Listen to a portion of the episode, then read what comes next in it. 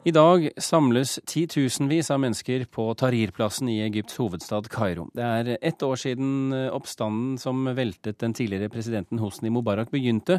Noen er på plassen for å feire, andre for å demonstrere for det de mener har, eh, det har skjedd for lite i landet siden den gang.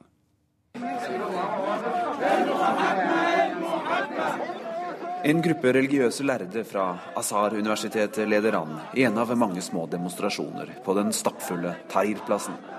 Det er egyptiske flagg overalt, gateselgere er ute med vognene sine, og i bakgrunnen holdes politiske appeller om egyptisk enhet og samling mellom kristne og muslimer. Tahrir-plassen minner om slik den var under de roligste dagene under revolusjonen for et år siden. Men det er på overflaten.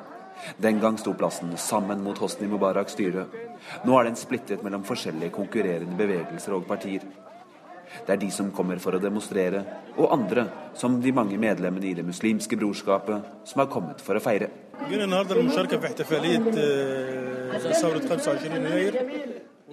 Jeg er her for å feire det første året som er gått siden revolusjonen, og for å være med revolusjonens martyrer, sier Sayed Desmond Said Esedin, medlem i brorskapet. Han kommer fra Nord-Egypt for anledningen, busset inn av den godt organiserte bevegelsen. Utenfor plassen står busser tett i tett. Det er tydelig at de ønsker å gjøre dagen til sin. De dominerer det nyvalgte parlamentet og har fått det de ville. Etter 84 år i opposisjon er de i løpet av året blitt den tyngste maktfaktoren i Egypt utenom militæret. Vi er gjennom den første fasen med å velge et parlament og gjøre oss klar for det neste. Vi stoler på de vi har valgt inn i parlamentet, og nå vil vi arbeide hardt for landet vårt, sier han. I motsetning til i november og desember, da det var store opptøyer på plassen, har Det muslimske brorskap også sørget for sikkerheten på plassen. Det er to linjer med vakter som sjekker folk som kommer inn, og meldinger om at de hadde arrestert fire tyver på plassen, sirkulerte raskt. Det er nå en kamp om revolusjonens hegemoni. Hvem skal eie 25.1? De revolusjonære aktivistene er ikke fornøyd med situasjonen, og det har vært marsjer gjennom hele Kairo i ettermiddagstimene, som nå nærmer seg Tahrir-plassen. Bl.a. en som gikk forbi det statskontrollerte fjernsynsbygget. Og det er ingen garanti for at situasjonen vil forbli like rolig utover dagen. Aktivistene protesterer mot fortsatt militærstyre. Militæret har sagt de skal oppheve unntakslovene fra i dag, men forbeholder seg retten til å bruke dem mot det de kaller kjeltringer. En vag term som også har vært brukt mot demonstranter. En som i hvert fall ikke vil gi seg, selv om han understreker at det egyptiske folk elsker hæren, er Shihab Hassan, som mistet sønnen sin i oppstanden for et år siden. Han ble skutt av en snikskytter. The Tahrir is the parliament. The first parliament, parliament in Egypt, Tahrir Square. Tahrir er det virkelige parlamentet. Det første. Det andre det er på annenplass, sier han, og tenker på den folkevalgte forsamlingen som ligger et langt steinkast fra Tahrir-plassen. Han er fornøyd med at rettssaken mot Mubarak og sønnene er i gang, men sier at revolusjonen ikke er over. Revolution not finished. Landrådgiver for Nord- og Vest-Afrika i organisasjonen Landinfo, Geir Skogseth. Velkommen til Kulturnytt. Takk for det. Revolusjonen er ikke over, hører vi her? Nei.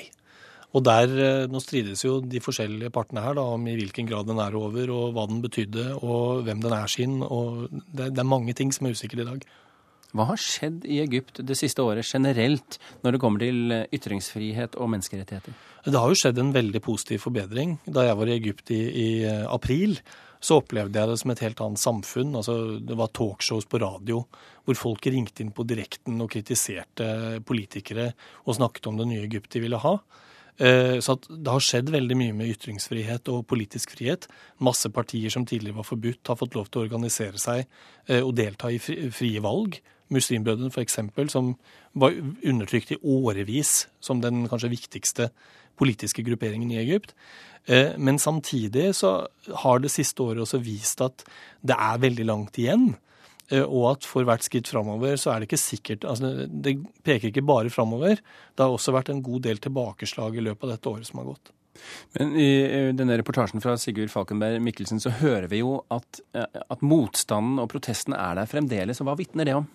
Nei, Det vitner om at det særlig er et, et mindretall som er veldig misfornøyd med eh, hastigheten dette her skjer i. eh, som vil ha betydelig større og mer omfattende endringer.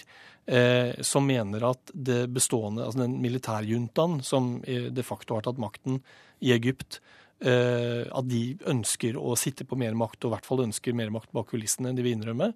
Eh, og at det Egypt vi ser i dag, er på mange måter deprimerende likt det vi hadde under Mubarak. Men når du sier mindretall, hva, hvor stort er det mindretallet? Det er vanskelig å si. Altså, det fikk jo ikke en veldig stor oppslutning i parlamentsvalget som var.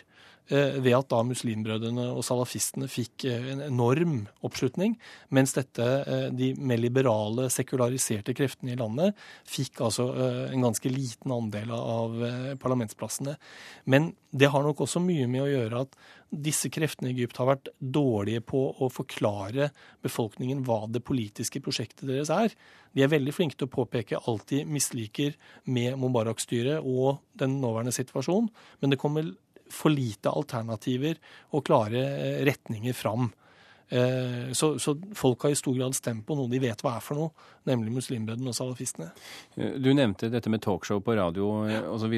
Hvordan har pressen endret seg, og hvor flinke har de blitt til å forklare den nye politiske situasjonen? Der Det varierer. altså der Alle mediene har blitt friere enn det de var. Det er betydelig mindre sensur.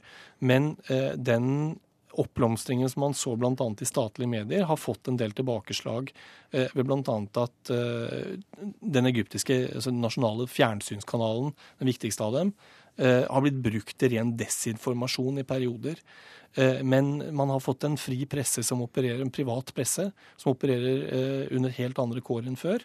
Og det er også tendenser til at i de statlige mediene, som, som er viktige både for trygt og etermedier eh, i Egypt, så har det også blitt mye mer man kan snakke om og, og, man kan kritisere myndighetene på en helt annen måte enn før. Men, men hvordan er ytringsfriheten for f.eks. kopterne og andre kristne? Her er noe av paradokset. at Det året som har gått også har vist, det er jo at eh, det med ytringsfrihet, hvordan skal den brukes?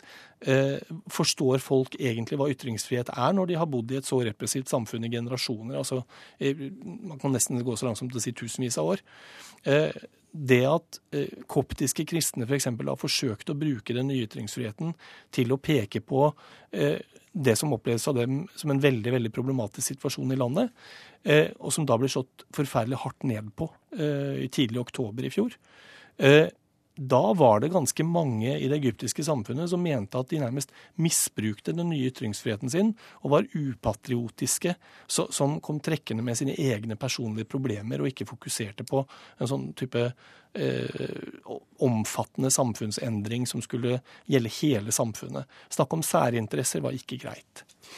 Geir Skogseth, det blir sikkert ikke siste gang vi snakker om eh, Egypt, og sikkert ikke siste gangen eh, vi inviterer deg fra Landinfo. Tusen hjertelig takk for at du kom til Kulturnytt.